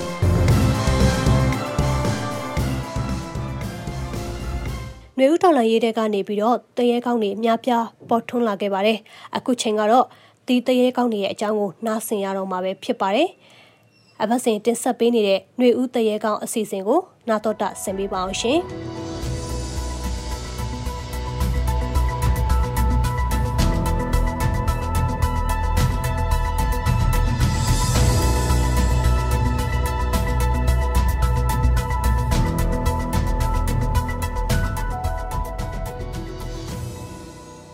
ရှင်ဒီတစ်ပတ်အတွက်နေရွသူရဲ့ကောင်းများစီစဉ်ကိုတင်ဆက်ပေးပါမယ်။နိုင်ငံရေးတက်ကြွလှုပ်ရှားသူတယောက်လည်းဖြစ်တဲ့ပဲခူးတက္ကသိုလ်ကျောင်းသားသမတ်ကဥက္ကဋ္ဌဟောင်းကိုမျိုးကိုကိုကတော့ဒီစစ်အာဏာသိမ်းလိုက်တဲ့နောက်မှာပဲခူးမြို့ပေါ်ကလူထုလှုပ်ရှားမှုစန္ဒပြသပိတ်တွေကိုဥဆောင်ခဲ့ပါတယ်။အဲ့ဒီလိုနဲ့စစ်တပ်ကစန္ဒပြသပိတ်တွေကိုပြစ်ခတ်ဖြိုခွင်းလာတဲ့အခါမှာတော့သူ့အနေနဲ့ရှောင်တင်းခဲ့ရတာပါ။ဒါပေမဲ့အခုလက်ရှိအချိန်မှဆိုရင်တော့တော်လန်ရေးလိုအပ်ချက်အရနောက်တစ်ဆင့်တက်လန်းပြီးတော့လက်နက်ကင်တော်လန်ရေးခရီးလမ်းကိုရှောက်လန်းနေပါပြီ။မြန်မာနိုင်ငံရေးမှာ လက်လန်းမိသမျှတက်ကြွလှုပ်ရှားခဲ့တဲ့ကိုမျိုးကိုကိုအနေနဲ့သူကြုံခဲ့ရတဲ့အဖြစ်အပျက်တွေတော်လန်ရေးပေါ်မှာထားတဲ့သူ့ရဲ့ခံယူချက်ရက်တီချက်တွေကိုလည်းဒီစီစဉ်မှာပြပြထားလို့ဆက်ပြီးတော့ကြည့်ရှုပေးပါအောင်အကိုရေမင်္ဂလာပါဟုတ်ကဲ့ဟုတ်မင်္ဂလာပါဗျဟုတ်ကဲ့ပါဟိုလူငယ်တော်တော်များများကတော့ဗောနော်ဒီအာနာသိမ့်မှုဖြစ်ပြီးတဲ့နောက်ပိုင်းမှာပဲမြန်မာနိုင်ငံရေးကိုဟိုပို့ပြီးတော့ဟိုစိတ်ဝင်စားလာကြတာဗောဒါပေမဲ့ကိုမျိုးကိုကိုကကြတော့ဟိုအရင်ကတည်းကဘကိုးចောင်းသားသမဂ္ဂဥထာဟောင်းလည်းဖြစ်တယ်ပြီးတော့ နိုင်ငံရေးမှာတက်ကြွလှုပ်ရှားနေတဲ့သူတယောက်ဆိုတော့ဘလို့ဖြစ်ပြီးခုလိုမျိုးတက်ကြွလှုပ်ရှားသူတယောက်ဖြစ်လာခဲ့တာလဲဆိုတာရှင်းပြပေးနေကိုကိုကိုမိတ်ဆက်ပေးပါအောင်။အော်ကျွန်တော်နာမည်ကမျိုးကိုပါ။ဆိုတော့ဒီအဓိကကတော့ကျွန်တော်ဒီဘက်ကိုစရောက်တာတော့အဲကျောင်းသားသမဂ္ဂပေါ့နော်။ဆိုတော့ဘကိုးတက္ကသိုလ်မှာကျွန်တော်တို့ဒီကျောင်းသားသမဂ္ဂကိုစပြီးတော့မှကျွန်တော်စတင်ဖွဲ့စည်းခဲ့တယ်နော်။အဲ့ဒီအချိန်မှာကျွန်တော်ဥက္ကဋ္ဌစလုပ်ခဲ့။အဓိကတော့ အဲဒီကိုဒီလိုလမ်းကြောင်းပေါ်အဓိကတွန်းပို့လိုက်တဲ့အကြောင်းအရာတော့ဒီကျောင်းသားသမဂ္ဂဆက်လုပ်ဖြစ်တဲ့အကြောင်းအရာတော့အဲဒီကျောင်းတွင်းပေါ့နော်ဆိုတော့ဒီကျောင်းသားတွေရဲ့အခွင့်အရေးကိုကျွန်တော်တို့ကအာမရရှိတဲ့အခါမျိုးမှာအဲကျောင်းသားသမဂ္ဂအဖွဲ့အဖွဲ့ကိုဖွဲ့ပြီးတော့မှကျွန်တော်တို့စပြီးဆောင်ရွက်တယ်ပေါ့နော်ဆိုတော့ကျောင်းသားတွေရဲ့ အာဒီဆုံးရှုံးနေတဲ့ကျောင်းသားတွေအခွင့်အရေးကိုအဓိကထားပြီးတော့ဘကိုးတက္ကသိုလ်မှာဆောင်ရွက်ခဲ့တယ်ပေါ့နော်ဒါကတော့ကျွန်တော်2023ဝန်းကျင်အစပြီးတော့ကျွန်တော်ဆောင်ရွက်ခဲ့တာဖြစ်ပါတယ်ဟုတ်ကဲ့ပါလက်ရှိမှာရောຫນွေဦးတော်လိုင်းရေးမှာဘလို့အခန်းကဏ္ဍကနေပါဝင်နေလဲဟိုတော်လိုင်းအစောပိုင်းကာလနဲ့အခုလက်ရှိရောဟိုကိုယ့်ရဲ့ပါဝင်မှုကဘယ်လိုတွေကွာခြားသွားပြီလဲဆိုတာလည်းပြပြပေးပါဦးအဲဆိုတော့ကျွန်တော်ဒီ February 10ရက်နေ့မှာအဲဒီစစ်တပ်ကနေမှကျွန်တော်တို့အာဏာသိမ်းနေပေါ့နော်အဲမြန်မာနိုင်ငံမှာစစ်တပ်ကအာဏာသိမ်းနေအဲသိမ်းပြီးတဲ့အခါမှာကျွန်တော်တို့က ဒီ February 10ရက်နေ့မှာအဲဘကုန်းမြို့မှာလူလူအဲချီတက်တဲ့အဲဒီအာဏာသိမ်းမှုကိုလက်မခံဘဲနဲ့စန့်ကျင်နေတဲ့လူလူချီတက်မှုကိုကျွန်တော်တို့စတင်ဆောင်ရွက်ခဲ့တယ်ပေါ့နော်ဆိုတော့အဲ့ဒီအချိန်မှာတော့အဲကျွန်တော်ကဒီကာလကြာမှာတော့အာဒီလူလူလှုပ်ရှားမှုကြီးဖြစ်အောင်ကြိုးစားကြတယ်။ပေါ်ပေါ်မှာဆိုရင်တော့ကျွန်တော် April 9ပေါ့နော်။ဆိုတော့ April 9ရက်နေ့ထိကိုအာဆောင်ရွက်ကြတယ်အကုန်စီစဉ်ဆောင်ရွက်ကြတယ် April 9နောက်ပိုင်းမှာပေါ်ပေါ်မှာလူလူလှုပ်ရှားမှုတွေက အာအရင်တော့မရှိတော့ဘဲနဲ့ပျောက်ကြားလောက်ပဲရှိပြီးတော့မှဒါရက်သွားတယ်ပေါ့နော်။ဆိုတော့အဲ့ဒီနောက်ပိုင်းမှာတော့ကျွန်တော်ဒီ dollar ရဲ့လိုအပ်ချက်အရာကျွန်တော်တို့ကအဲဒီငင်းကြတာအဲကျွန်တော်တို့လက်မှတ်ခံကြောင်းပြတာအနေမှာအဲလိုအပ်ချက်ရနောက်တစ်ဆင့်တက်ပြီးတော့မှာပေါ့နော်ဆိုတော့ဒီဒေါ်လာရေးခရီးမှာကျွန်တော်တို့ဆက်ပြီးတော့မှပါဝင်ခဲ့ကြတယ်ဟိုဒီအာနာသိမ့်မှုကပြည်သူတရက်လုံးပေါ်မှာရိုက်ခတ်မှုတွေဖြစ်ခဲ့တယ်ပေါ့တယောက်နဲ့တယောက်ကလည်းအနည်းနဲ့အများပဲကွာသွားတာပါဟိုဒီတော့ကိုမျိုးကိုကိုအပေါ်မှာရောဘလို့ကြီးကြီးမားမားရိုက်ခတ်မှုတွေရှိခဲ့တယ် အဲဘေဒေါ်လန်ရေးမှာမှကျွန်တော်တို့ပေးဆက်မှုမရှိရင်ကျွန်တော်တို့အောင်မြင်မှုလည်းမရှိဘူးကျွန်တော်တို့ကအဲတောင်းယူနေကြတာမဟုတ်ဘူးတိုက်ယူနေကြတာတိုက်ယူနေရတဲ့အခါမှာကျွန်တော်တို့ကဟိုပေးဆက်မှုဆိုတာရှိစမဲပဲเนาะဆိုတော့ကျွန်တော်တယောက်တည်းတည်းမဟုတ်ကျွန်တော်အားလုံးအာနာသိမ့်ကြီးရဲ့နောက်ပိုင်းမှာဟိုအကုန်လုံးနှီးပါပေးဆက်ကြရတာပဲပေါ့အဲကျွန်တော်ကတော့ February 10ရက်နေ့ကစပြီးလူလူလှုပ်ရှားမှုစရတော့ကျွန်တော်အိမ်မှာမရှိတော့ဘူးပေါ့အိမ်မှာမရှိတော့ဘူးမိသားစုနဲ့အတူတူမရှိတော့ဘဲနဲ့လူလူချစ်တဲ့မှုတွေကျွန်တော်တို့ဥဆောင်ပြီးတော့ဆောင်ရွက်ကြတယ် April 9ရက်နေ့မှာ အဲဒီတော်လိုင်းအင်အားစုတရက်လုံးဘကူမှရှိတဲ့တော်လိုင်းအင်အားစုတရက်လုံးစစ်တပ်ကပြစ်ခတ်တယ်တပ်ဖြတ်တယ်ဖမ်းဆီးတယ်ပြီးရနောက်မှာဒါကြီးကိုဖြိုခွင်းလိုက်တဲ့အခါမှာကျွန်တော်တို့ကမြို့မြို့ကိုပါဆွန့်ခွာတာဖြစ်တယ်ပေါ့နော်ဆိုတော့ဒီချိန်မှာကျွန်တော်တို့အဲဒီဂျားတွေကနေမှလွတ်အောင်ဒီကြတယ်ပေါ့နော်တီးပြီးတဲ့အခါမှာကျွန်တော်ဘိုးမြို့မှာအာဒီရှောင်းတိန်နေနေမှာနောက်ဆုံးမရတဲ့အခါမှာဘိုးမြို့ကိုဆွန့်ခွာပြရတယ်ပေါ့ April 9ရက်နေ့မှာပြစ်ခတ်ရင်လည်းမှာပဲအဲကျွန်တော်ကျွန်တော်ညီကိုဝမ်းဝဲပေါ့နော်ဆိုတော့သူသူဆုံးတယ် April 10ရက်နေ့မှာအလောင်းလာထုတ်ခိုင်းတယ်ပြီးတဲ့အခါမှာကျွန်တော် April 10ရက်နေ့မှာဆိုရင်ကျွန်တော်အိမ်ကိုစစ်တပ်ကအင်အား100ကျော်ပေါ့နော်ဆိုတော့အင်အား100ကျော်နဲ့ဝင်ပြီးတော့မှရှာတယ်ပေါ့အဲ့ဒီတည်းကတော့မိသားစုကအိမ်ကိုဆုံးခွာပြီးရတယ်ဆုံးခွာခဲ့ပြီးတဲ့နောက်ပိုင်းမှာအိမ်ကိုစစ်တပ်ကအာတော့ပိတ်ခဲ့တယ်ပေါ့နော်ဆိုတော့တော့ပိတ်ပြီးတော့မှအဲအဲ့ဒီချိန်တွေကအိမ်မှာဘယ်သူမှမနေတော့ဘူးဆိုတော့ကျွန်တော်တို့ဒီ3ရက်နေ့ပေါ့နော်ဆိုတော့3ရက်နေ့အဲအခုဒီ December January ပေါ့ January 3ရက်နေ့2022ခုနှစ်မှာတော့ အဲစစ်တပ်ကကျွန်တော်အိမ်ကိုအဲဂျိုးဒီရဲ police ပေါ့နော်ဒီဂျိုးဟွာတားပြီးတော့မှပိတ်ခဲ့တယ်ဒီ January 17ရက်နေ့မှာတော့စစ်တပ်ကနေမှဆိုင်မုတ်လာကတ်နော်ဆိုတော့အကြံဖက်အဖွဲ့အစည်းနဲ့ဟိုဒီထိဆက်အာဆက်ဆက်သွယ်နေလို့ဒီကိုနိုင်ငံတော်ပိုင်းတိန်းနေဆိုတဲ့ဆိုင်ဘုတ်ကို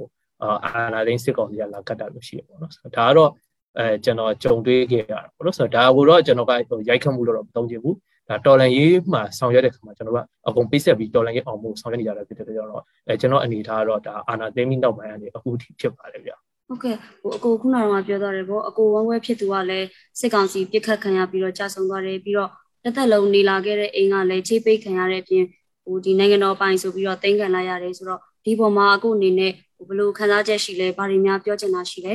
အဓိကကတော့ကျွန်တော်တို့ကလေ အဲဒီတော်လန်ရေးတရက်ကိုလုပ်ပြီးဆိုတော့ကျွန်တော်တို့ကမတရားမှုကိုတုံ့ပြန်ကြတာဖြစ်တယ်တိုက်ယူကြတာဖြစ်တယ်ဆိုတော့အဓိကဒီစစ်တပ်ရဲ့အဲကျွန်တော်တို့ဟိုအာဏာသိမ်းမှုကိုလက်မခံဘူးဘာလို့ဆိုတော့စစ်တပ်ရဲ့အကျိုးဆက်ကိုစစ်တပ်အုပ်ချုပ်တဲ့အခါမှာခံစားရတဲ့အကျိုးဆက်ကိုအားလုံးလဲဟိုသိကြတာဖြစ်တယ်ဘယ်သူမှလည်းလက်မခံနိုင်ဘူးအာဏာသိမ်းပြီးနောက်ပိုင်းမှာကျွန်တော်တို့တိုင်းပြည်က2000ခုနှစ်အလွန်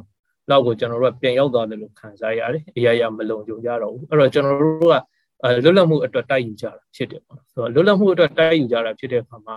အာပေးဆက်ရတာနဲ့ပတ်သက်ပြီးတော့ဟိုကျွန်တော်တို့တွေအနေနဲ့ကတော့ထွေထွေထူးထူးခံစားချက်တော့မရှိဘူးเนาะဆိုတော့ဘာဖြစ်လို့လဲဆိုတော့အဲကိုဟာအဲကိုပိုင်ဆိုင်တဲ့ဆိုအဲပစ္စည်းနောက်တော့ကိုဆွေမျိုးသားချင်းဆုံးရှုံးရတယ်ဆိုတာတော့အဲအနေနဲ့အများခံစားချက်တော့ရှိတယ်ဒါပေမဲ့လည်းဘာဖြစ်လဲဆိုတော့ကျွန်တော်တို့ပခုံးပေါ်ကြာရောက်လာတဲ့အချိန်မှာအဲကျွန်တော်တို့က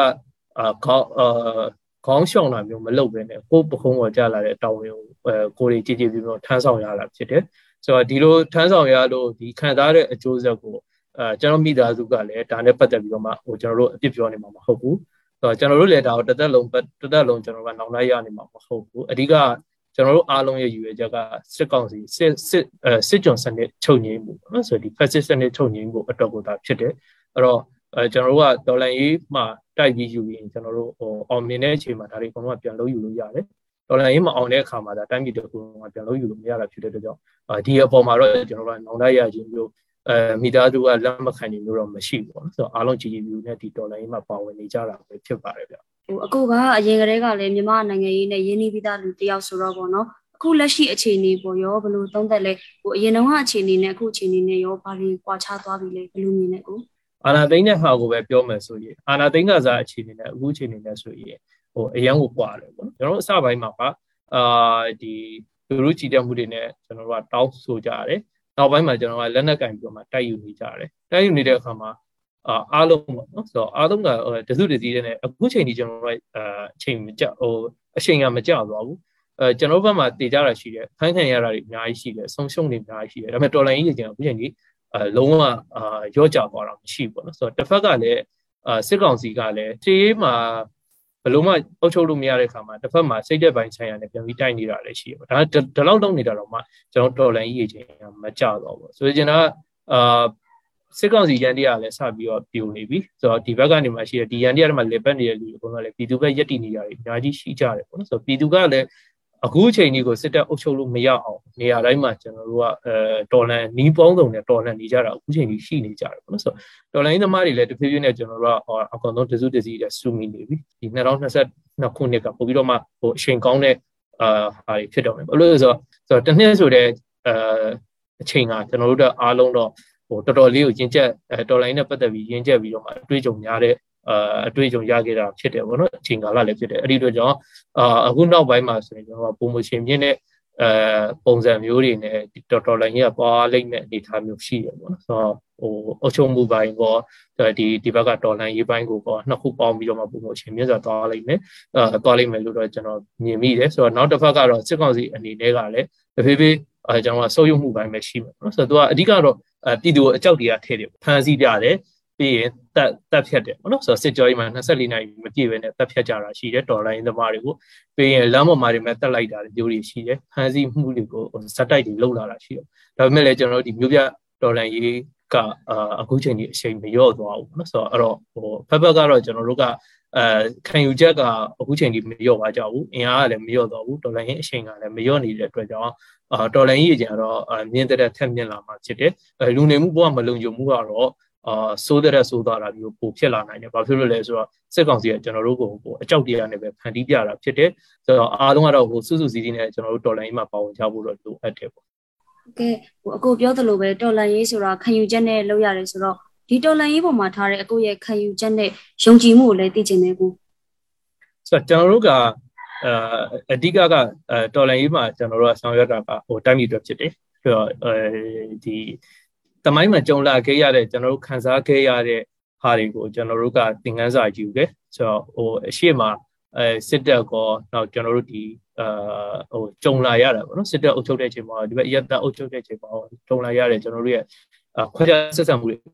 အများကြီးရှိတယ်တိုင်းသားပေါ်တွေမှာပေါ့ကျွန်တော်လူနည်းစုအဲဒီပေါ်မှာပေါ့အာကြုံလာရတဲ့ဒီဒီခွဲခြားဆက်ဆံမှုတွေဆိုတာအဲတိုင်းပြည်မှာတာကအများကြီးရှိခဲ့တယ်ပေါ့နော်အဲ့တော့ အာခွဲခြားဆက်ဆံမှုကင်းနေပေါ့နော်ဆိုတော့ဒန်းတူဆက်ဆံခံရတဲ့ကျွန်တော်နိုင်ငံတော်အစ်စ်ပုံစံနိုင်ငံတော်အစ်စ်တစ်ခုကိုကျွန်တော်တို့ပုံပေါ်တယ်ဆိုတော့ဒီဟာကိုရအောင်ကျွန်တော်တို့အဓိကထားပြီးဆောင်ရွက်နေကြတယ်ပေါ့နော်ဆိုတော့အဲ့တော့ဒီဟာတစ်ခုနဲ့တင်ကျွန်တော်တို့ခံယူကြတာတော်တော်ဒေါ်လာကြီးအတွက်လုံလောက်တယ်ဘာလို့ဆိုတော့ကျွန်တော်တို့က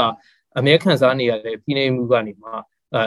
အားလုံးဒန်းလူဆက်ဆံခံရတဲ့လူလူအဖွဲ့အစည်းလူငယ်မှုပုံစံတစ်ခုနိုင်ငံတော်တစ်ခုပေါ့နော်ဆိုတော့နိုင်ငံတော်ကပြန်ပြီးတော့မှ ခွဲခြားဆက်ဆံတာမျိုးမဟုတ်ပဲနဲ့အားလုံးတသားတဲ့နိုင်ငံတော်ရဲ့အရေးကိုနေနေတဲ့အဲလူအဖွဲ့အစည်းတို့ပေါ်ပေါက်ရေးအတွက်နိုင်ငံတော်တစ်ပေါ်ပေါက်ရေးအတွက်ဆောင်ရွက်နေကြတယ်ဆိုတဲ့ခင်ချက်နဲ့အဲလောက်တာနေနေမယ်ဒီဒေါ်လာရေးအတွက်ဟိုကျွန်တော်တို့ခံယူချက်ကအဲကျွန်တော်ခံယူချက်ကလုံလောက်တယ်လို့ကျွန်တော်ယူဆတယ်ပေါ့နော်အခုအခုပြောသွားတဲ့အထင်မှာပေါ့ဒီခွဲခြားဆက်ဆံခံရတာမရှိပဲဒန်းတူဖြစ်တဲ့လူအဖွဲ့အစည်းဖြစ်လာဖို့လည်းမျှော်လင့်နေဆိုတော့ဟိုအခုကိုရရောအရင်တော့ကလိုခွဲခြားပြီးတော့ဆက်ဆံခံရတာမျိုးကြုံခဲ့ရဘူးလား အဲကျွန်တော်ကျွန်တော်တို့ကတော့ကြုံရတာပေါ့ဗျာကြုံရတယ်ဆိုတာနေရာတိုင်းမှာဖွဲ့ရစက်မှုကြုံရတယ်ဘာလို့လဲဆိုတော့အာကျွန်တော်လူနည်းစုဖြစ်ကြတယ်ဟိုကျွန်တော်ဆိုရင်စတန်ဘာသာဝင်တယောက်ဖြစ်တယ်ပေါ့နော်ဆိုတော့ကျွန်တော်ကအာနေရာတိုင်းပါပဲဟိုမှာဆိုရနဲ့ပတ်သက်တဲ့နေရာတိုင်းဒီမှာဖွဲ့ကြဆက်ဆံခံရတယ်ပေါ့နော်ဥပမာကျွန်တော်တို့ဟိုလာဝကရုံမှာဆိုရင်ကျွန်တော်တို့မှတ်ပုံနေလွယ်လွယ်ကူကူမရကြဘူးအဲနောက်တစ်ခုက တိုင်းပြည်မှာကျွန်တော်တို့ကြုံနေရတာကတဆင်းနေနိုင်ငံသားပုံစံမျိုးနေရာတိုင်းမှာခွဲခြားဆက်ဆံခံရတယ်အအစိုးရဘိုင်းမှာဆိုရင်လည်းယာရုကြီးတဲ့နေရာမှာအဲဒီလိုဘာသာကြားတွေရတာကအင်မတန်မှနေတယ်စသဖြင့်ပေါ့ဆိုတော့ဘာသာရေးလွတ်လပ်ခွင့်ဘိုင်းမှာဆိုရင်လည်းအဲကျွန်တော်တို့ကဟိုဖိနှိပ်ခံရတယ်ဥပဒေပိုင်းဆိုင်ရာမှာဆိုရင်လည်းအဲကျွန်တော်နိုင်ငံသားဖြစ်ခွင့်တွေနဲ့ပတ်သက်ပြီးတော့မှအာဒီဟိုစစ်တပ်ကနေမှပြဋ္ဌာန်းခဲ့တဲ့ဟာကိုပဲသုံးနေကြကြတာရှိတယ်ပေါ့နော်ဆိုတော့ဥပမာပေးရမယ်ဆိုရင် 1980နှစ်နိုင်ငံသားဥပဒေပေါ့နော်ဆိုတော့ဒီလိုမျိုးဒီမိုကရေစီစံချိန်စံညွှန်းနေနဲ့မကိုက်ညီပဲနဲ့မှအာခွဲခြားဆက်ဆံမှုတွေဖိနှိပ်မှုတွေအာခံစားခဲ့ရတာရှိတယ်ကျွန်တော်တို့လူမျိုးလူနည်းစုတွေကပေါ့နော်ဆိုတော့အာအသက်ခံရတာတွေရှိတယ်တရားမျှတမှုဆိုတာအဲကျွန်တော်မကြုံခဲ့ရတာမျိုးရှိတယ်ဆိုတော့အဲ့တော့ဒါတွေနဲ့ပတ်သက်ပြီးတော့ကျွန်တော်ထပ်ပြီးတော့မကြုံကျင်တော့ဘူးမကြုံကျင်တော့တဲ့အခါကျတော့ဆိုတော့ကျွန်တော်တို့ပုံပေါ်တဲ့နိုင်ငံတော်အစ်မှာဒါတွေကိုမရှိစေချင်တော့ဘူးဆိုတော့အားလုံးတန်းတူအာဆက်ဆံတဲ့ အဲနိုင်ငံတော်တစ်ခုကိုပဲကျွန်တော်တို့ကဟိုအဓိကထားပြီးလိုချင်တယ်အဲ့ဒီအတွက်ကြောင့်ဟောကျွန်တော်တို့တိုင်းပြည်ကနိုင်ငံတော်အစ်အတွက်ကိုကျွန်တော်တို့အားလုံးရင်းနှီးကြတယ်အားလုံးပေးဆက်ကြတယ်အားလုံးတိုက်ယူကြတယ်ဟိုဒီတော်လိုင်းနဲ့ပတ်သက်ပြီးပြည်သူတွေကိုနှိုးဆော်ခြင်းတဲ့စကားတို့ပြောခြင်းတဲ့စကားတို့ရှိရင်လည်းနောက်ဆုံးပိတ်အနေနဲ့ပြောပြပါဦးအာအဓိကကတော့ဟိုကျွန်တော်တို့က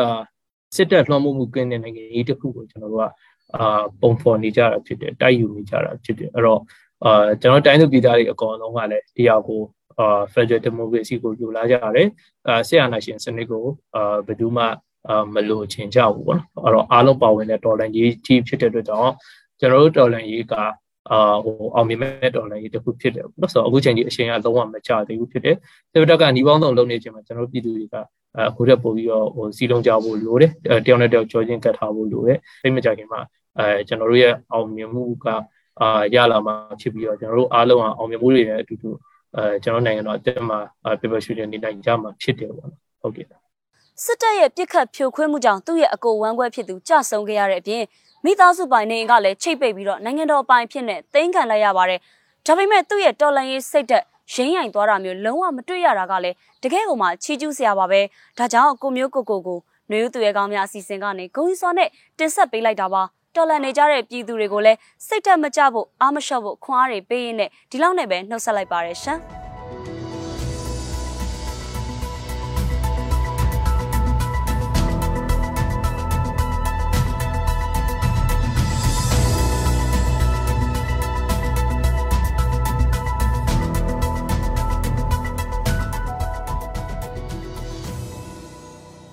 အခုကတော့ BNI အစီအစဉ်ကိုဆက်လက်နားဆင်ရမှာပါ BNI ဝိုင်းတော်သားတွေကဆက်လက်ပြီးတင်ဆက်ပေးထားပါတယ်ရှင်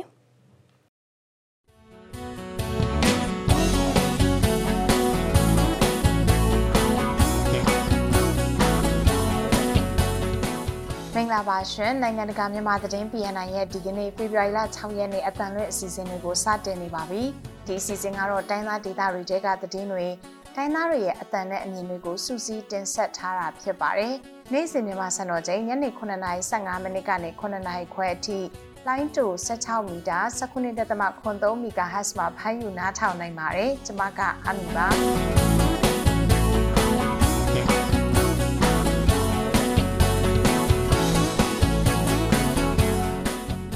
ဒီနေ့မှာကြားကြမယ့်သတင်းတွေကတော့အချိန်ခါမဟုတ်မိုးကြောင့် 4K ကောကစစ်ဆောင်တဲ့အခက်တွေ့နေရပါတယ်။ကတာမြို့နယ်ထဲမှာဒေသခံပြည်သူ့ကာကွယ်ရေးတပ်ဖွဲ့နဲ့စစ်ကောင်စီတပ်တို့တိုက်ပွဲတွေပြင်းထန်နေပါတယ်။နောက်ပိုင်းမှာတော့ရှမ်းမျိုးသားနေနဲ့ပတ်သက်တဲ့သတင်းလွှာတစ်ပုဒ်ကိုလည်းကြားကြရမှာပါ။သတင်းတွေကိုတော့ကျွန်မနဲ့အတူစိုင်းမွန်းကနေတင်ဆက်သွားမှာဖြစ်ပါတယ်။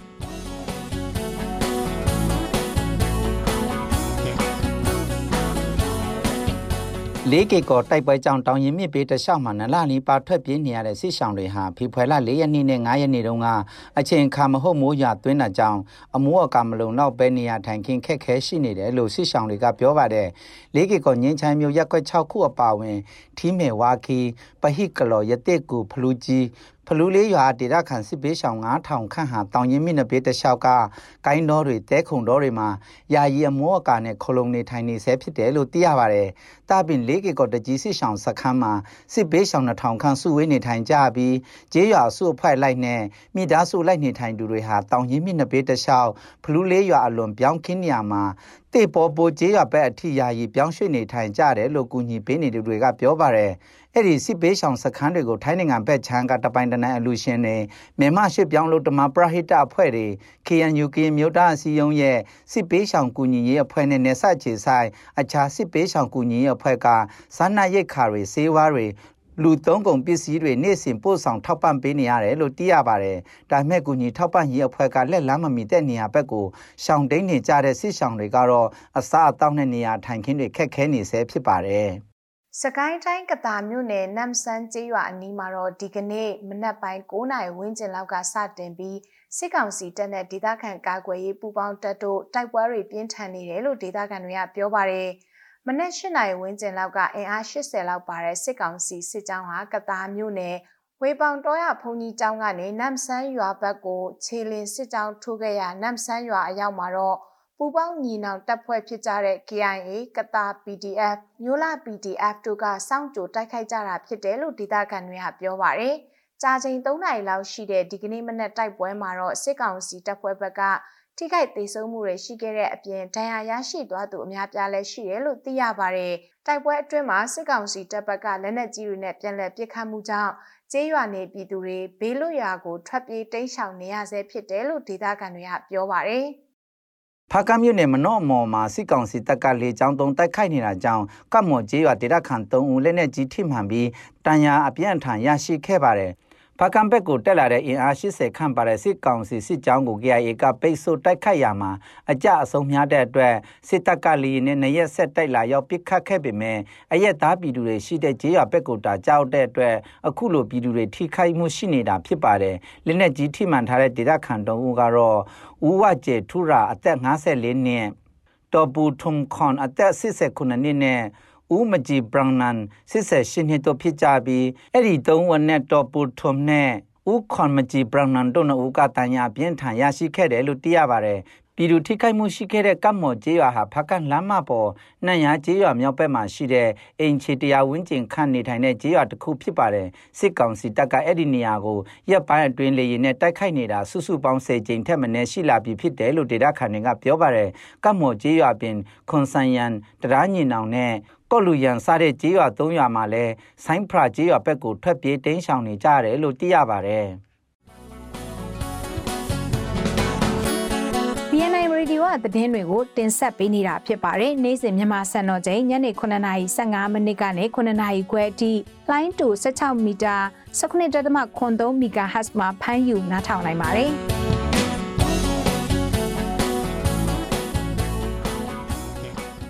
မောင်တော်မြို့နယ်မြောက်ပိုင်းမိတိုက်ကျေးရွာနားမှာတော့ဖေဖော်ဝါရီလ၄ရက်နေ့မိုးလွယ်ပိုင်းကစစ်ကောင်စီတပ်နဲ့ရခိုင်တပ်တော် AA တို့တိုက်ပွဲဖြစ်ပွားမှုကြောင့်နှစ်ဖက်ထိခိုက်ကြဆုံးမှုတွေရှိခဲ့တယ်လို့ AA ပြောခွင့်ရပုဂ္ဂိုလ်ဥခိုင်ဒုက္ခကပြောပါရယ်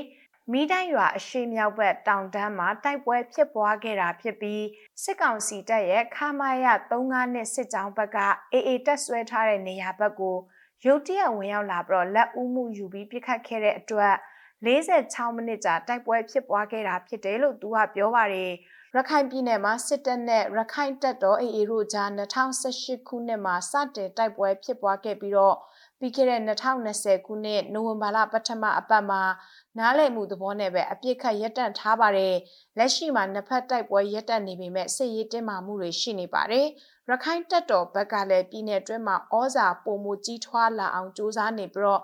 စစ်တပ်ဘက်ကလည်းတရွာဝင်တရွာထွက်ပြီးတော့အေအေနဲ့မပတ်သက်ကြဖို့တတိပေးမှုတွေဇက်တိုက်ပြုလုပ်နေပါတယ်ရှင်။ ရှမ်းပြည်မြောက်ပိုင်းလောက်ကမြို့နယ်နဲ့ကလပ်တစ်ခုမှာရဲနဲ့စစ်သားပါဝင်တဲ့ရံပွဲတစ်ခုဖြစ်ပြီးတနက်ပစ်ခတ်မှုထိဖြစ်ပွားတဲ့အတွက်ထိခိုက်ဒေဆုံးမှုရှိခဲ့တယ်လို့သိရပါတယ်။ဖေဖော်ဝါရီလ၄ရက်နေ့ညနေ10:00နာရီဝန်းကျင်ခန့်ကလောက်ကမြို့စင်ဖြူဝိုင်းနာမြင့်ကျွဲဟိုတယ်အစစ်ပက်ပစ်ခတ်မှုဖြစ်ပွားခဲ့ပြီးရဲတအူးကြီးထိမှန်တာတွေ့ရှိခဲ့တယ်လို့ဒေတာခန်တွေကပြောပါတယ်။ပစ်ခတ်မှုနိုင်ဝက်ခန့်ကြာပြီးထိခိုက်ဒဏ်ရာရရှိသူတွေလည်းလူနာတင်ကားတွေနဲ့လာရောက်တယ်ဆောင်သွားတယ်လို့သိရပါတယ်။လောက်ကမြို့မှာလောင်းကစားပွဲယုံနဲ့တရုတ်ကုံတွေဝကုံတွေဝင်ထွက်သွားလာနေတဲ့မြို့ဖြစ်ပြီးအခုလိုပြစ်ခတ်မှုတွေမကြာခဏဖြစ်ပွားလေရှိတယ်လို့လောက်ကင်မြို့ခံတွေကပြောပါတယ်ဖေခုံ PDF ကနေပြီးတော့ရှမ်းပြည်နယ်တောင်ပိုင်းဖေခုံမြို့နယ်အတွင်းကကျေးရွာရက်ကွက်တွေမှာ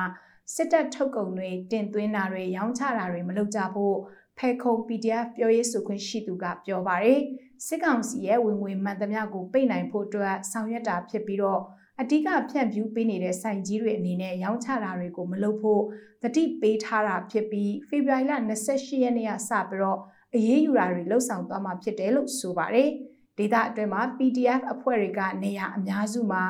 နယ်မြေစိုးမိုးရေးလည်းလှုပ်လာနိုင်ပြီဖြစ်ပြီးတော့အဓိကအားဖြင့်စစ်ကောင်စီရဲ့ရန်တရားလဲပတ်လို့မရအောင်စီးပွားရေးပြစ်မှတ်တစ်ခုအနေနဲ့ဒီလိုမျိုးလှုပ်ဆောင်ရတာဖြစ်တယ်လို့ဖဲခုံ PDF ပြောရေးဆိုခွင့်ရှိသူကပြောပါတယ်။ စစ်တပ်ထုတ်ကုန်တွေဖြစ်တဲ့ Amiram, Adman Go Beer, Black Chip Beer, မြန်မာ Beer, Malay Beer, တကုံ Beer, Red Ruby စလိတ် Premier Go စလိတ်ရွှေပြည်ဦးလက်ဖက်ရည်ထုတ်စားတဲ့ထုတ်ကုန်တွေကိုရောင်းချတာတွေမလုပ်ကြဖို့စားတဲ့ထုတ်ကုန်တွေကိုရောင်းချတာတွေမလုပ်ကြဖို့ဖေဖော်ဝါရီလ3ရက်နေ့မှာစတင်ပြီးတော့အသိပေးကြေညာထားတာဖြစ်ပါတယ်။တမတ်ရဲ့နောက်ပိုင်းမှာရောင်းချတာတွေတွေ့ရှိရရင်တော့ပြည်သူ့ကာကွယ်ရေးတပ်ဖွဲ့တွေနဲ့ပြည်သူ့လုံခြုံရေးတပ်ဖွဲ့တွေပူးပေါင်းပြီး အရေးယူဆောင်ရွက်တာတွေကိုလှုံ့ဆော်သွားမှာဖြစ်တယ်လို့သိရပါတယ်ရှင်။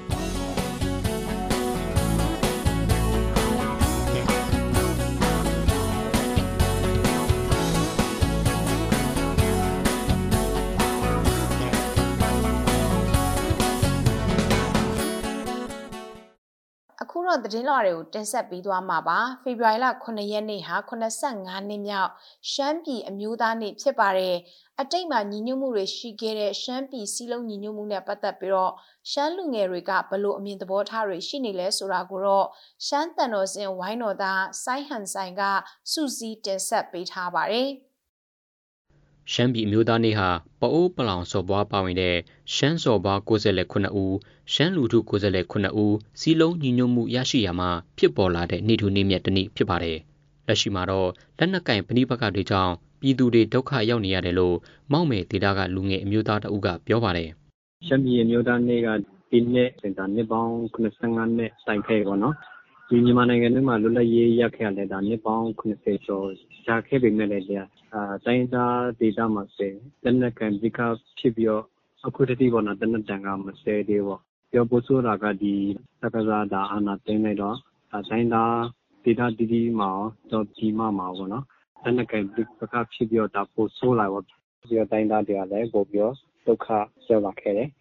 အရင်နှစ်ကစစ်တပ်ကအာဏာသိမ်းပြီးနောက်မှာတော့ရှမ်းပြည်ဟာတခြားဒေသတွေနဲ့မတူဘဲတိုင်းရင်းသားလက်နက်ကိုင်တပ်အချင်းချင်းတိုက်ပွဲတွေကပြင်းထန်ခဲ့လို့ဒေသခံထောင်ချီထွက်ပြေးတိမ်းရှောင်ခဲ့ရပါတယ်။ယနေ့အချိန်ထိကြောက်မဲနဲ့မိုင်းကင်မြို့နယ်တွေမှာစစ်ရှောင်ထောင်ချီကျန်ရှိနေသေးပါ။အခုလိုငြိမ်းချမ်းမှုမရှိသေးတဲ့ကာလမှာကြာရောက်တဲ့85နှစ်မြောက်ရှမ်းပြည်အမျိုးသားနေ့အပေါ် ဒေသခံတွေရဲ့အမြင်တွေကအမျိုးမျိုးရှိနေပါတယ်။ရှမ်းပြည်မြောက်ပိုင်းတီဘောမြို့မှာ2020ရွေးကောက်ပွဲအနိုင်ရပြည်내လွတ်တော်အမတ်နောင်မွန်မွန်ပေါက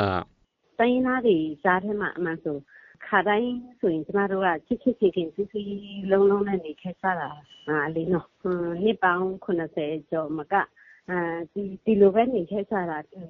ဒါပေမဲ့ဒီလိုကာလမှာပေါ့နော်အဲ့လိုမဖြစ်တဲ့ဘူးလို့တော့ဒါတွေတော့ တိုင်းရင်းသားတွေကြားထဲမှာ ဒီလိုအမုန်းပွားစေမဲ့ပြိပခါတွေ ရန်မျိုးတွေကိုချော့ချပစ်လေလို့ မြင်ပါတယ် အမုန်းပွားစေမဲ့စကားတွေကိုလည်း မပြောဖို့နော် အဲ့ဒီ မီဒီယာတွေမှာပဲဖြစ်ဖြစ် Facebook မှာပဲဖြစ်ဖြစ်ပေါ့ အားလုံးကိုစီးလုံးညွှန်စီနဲ့စကားကိုပဲ ပြောစီချင်တယ်ပေါ့ မောက်မေဒေတာကအမျိုးသားလူငယ်ကတော့ ရှမ်းပြည်နယ်နေပေါ်ပေါက်ခဲ့တယ်လို့ရှမ်းပြည်မှာစီလုံးညီညွတ်မှု ပြန်ရှိသိပြီလို့ ပြောပါတယ် အဓိက ပြောချင်တာက ဒီတိုင်းသားတွေအားလုံးပေါ့နော်တိုင်းသားအားလုံးဆိုတာအားလုံးပါရောဒီမြန်မာနိုင်ငံမှာရှိတဲ့တိုင်းသားတွေအားလုံးအနေနဲ့ကတရားမျှတမှုပြီးတော့လွတ်လပ်မှုရယ်တာတူညီမျှရှိမှုနဲ့ပြီးတော့ကိုယ်ပိုင်ပြဋ္ဌာန်းခွင့်ရှိမှုစတဲ့ဒီအနှစ်သာရပြေဝတဲ့အဲ Federal Democracy ကြီးပေါ်ထွန်းဖို့အတွက်ပေါ့နော်ဒီတည်ထောင်ဖို့အတွက်ဒါအားလုံးစီးလုံးညီညီညွတ်ညွတ်ပူးပေါင်းလက်တွဲကြိုးပမ်းဆောင်ရွက်သိချင်တယ်ပေါ့စစ်အာဏာရှင်တွေကရှမ်းပြည်အမျိုးသားတွေကိုရှမ်းပြည်နယ်နေလို့အမည်ပြောင်းပြီးကျင်းပပြုလုပ်ခဲ့ပါတယ်။ ဒါကြောင့်စစ်ကောင်စီကပြုလုပ်မဲ့ရှမ်းပြည်နယ်နေ့အခမ်းအနားကိုတော့ရှမ်းပြည်သူတွေအနေနဲ့ပူးပေါင်းပါဝင်ခြင်းမပြုကြဖို့ရှမ်းကျောင်းသားများတမက TSU ကပန်ကြားချက်ထုတ်ပြန်ထားပါတယ်။ကရက်မျိုးသားအစည်းအရုံး KNU မှာတပ်မဟာ9ခုရှိတဲ့တဲကတပ်မဟာ1တထုံတပ်မဟာ2တောင်ငူခရိုင်တပ်မဟာ3ညောင်လေးပင်တပ်မဟာ4ဘိတ်တဝဲခရိုင်တပ်မဟာ9မူဒရော်ဖာပွန် တပ်မဟာ6ဒူပလာယာခရိုင်အဲ့ဒီတကြောမှာတော့စစ်ကောင်စီနဲ့တိုက်ပွဲတွေဖြစ်ပွားနေပါတယ် KNU ကအခု2022ခုနှစ်ကိုမတရားမှုကိုအလဲထိုးမဲ့နှစ်လို့သတ်မှတ်ပြီးတော့ဆက်အာဏာရှင်ကြဆုံးဖို့ပြည်သူတွေတိုင်းသားတော်လှန်ရေးအဖွဲ့တွေနဲ့လက်တွဲလှုပ်ဆောင်သွားမယ်လို့လည်းပြောဆိုထားပါတယ်ဒီကြောင်းကိုတော့စောပွေးကတင်ဆက်ပေးမှာဖြစ်ပါတယ်ကရင်ပြည်နယ်မြောက်ဒီမြို့အနောက်မြောက်ဘက်6မိုင်ခန့်ကွာမှာရှိတဲ့ကရင်မျိုးသားစီယုံ KNU တက်မှ6နယ်မြေ ကွင်းကလေးရွာဘက်ကိုစစ်ကောင်စီတပ်က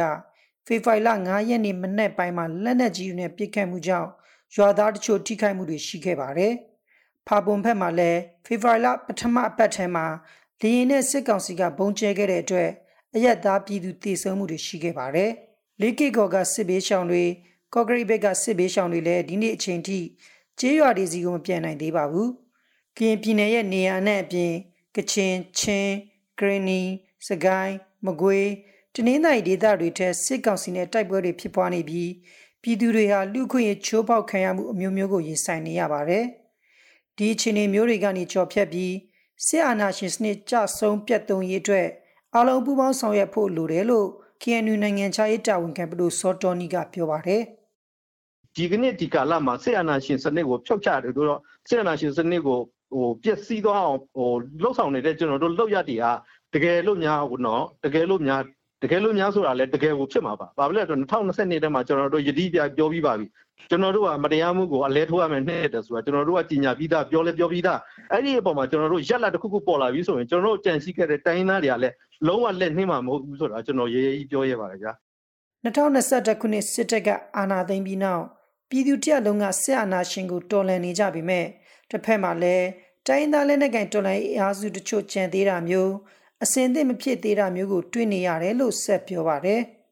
ဒီလိုဒီကနေ့ဒီကာလမှာကြုံနေရတဲ့ပြည်သူတရက်လုံးပါဝင်တဲ့ဟိုတော်လန်ရေးဆိုပြီးညာလဲကျွန်တော်တို့တိုင်းသားတော်လန်ရေးအဖွဲ့အစည်းတွေအားလုံးကအချင်းသက်မဖြစ်တာတော့ဒါအမှန်တိုင်းဝန်ခံရမှာပဲဒါတွေကဘာကြောင့်ဖြစ်လဲဆိုတာ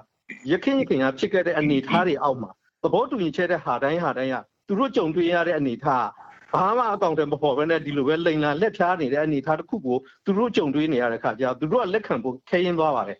တစ်ဖက်မှာလည်းကချင်လက်နက်ကိုင်အဖွဲ့အစည်းဖြစ်တဲ့ကချင်လွတ်လပ်ရေးအဖွဲ့ KIA က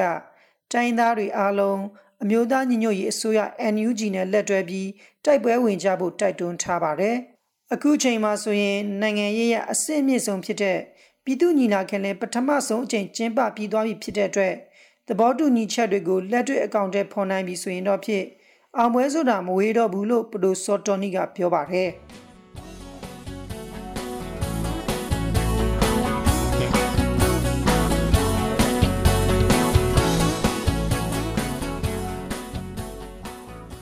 နားဆင်ခဲ့ကြရတာကတော့ BNI Radio ကနေ့စဉ်သတင်းအစီအစဉ်ပဲဖြစ်ပါတယ်။ဒီအစီအစဉ်ကိုနေ့စဉ်မြန်မာစံတော်ချိန်ညနေ9:15မိနစ်ကနေ9:00ခွဲအထိ15မိနစ်ကြာထုတ်လွှင့်နေတာဖြစ်ပါတယ်။နားဆင်ပေးတဲ့အတွက်ကျေးဇူးတင်ပါတယ်ရှင်။ကျွန်မကအမီပါ။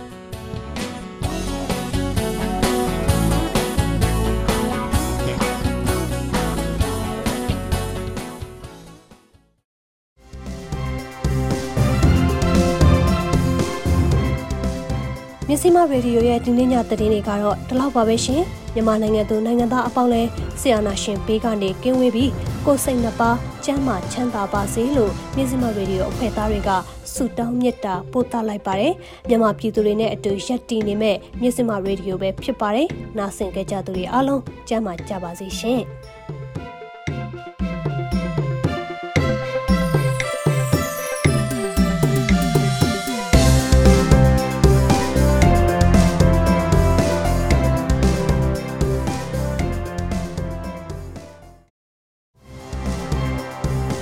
မတို့ရဲ့မြစီမရေဒီယိုကိုနေ့စဉ်ည6နာရီခွဲမှည9နာရီခွဲထိလိုင်းဒိုမီတာ16မီတာစက္ကွန်တသမခွန်3 MHz ကနေပြီးတော့ဖမ်းယူနားဆင်နိုင်ပါပြီ။မြစီမရေဒီယိုကိုနားမစင်လိုက်ရတဲ့သူတွေအနေနဲ့မြစီမ News and Farming Page 108 Page မြစီမ YouTube Channel မြစီမ Website Podcast Application Podcast Anchor Podcast တွေမှာလည်းပြန်လည်နားဆင်လို့ရပါတယ်နော်။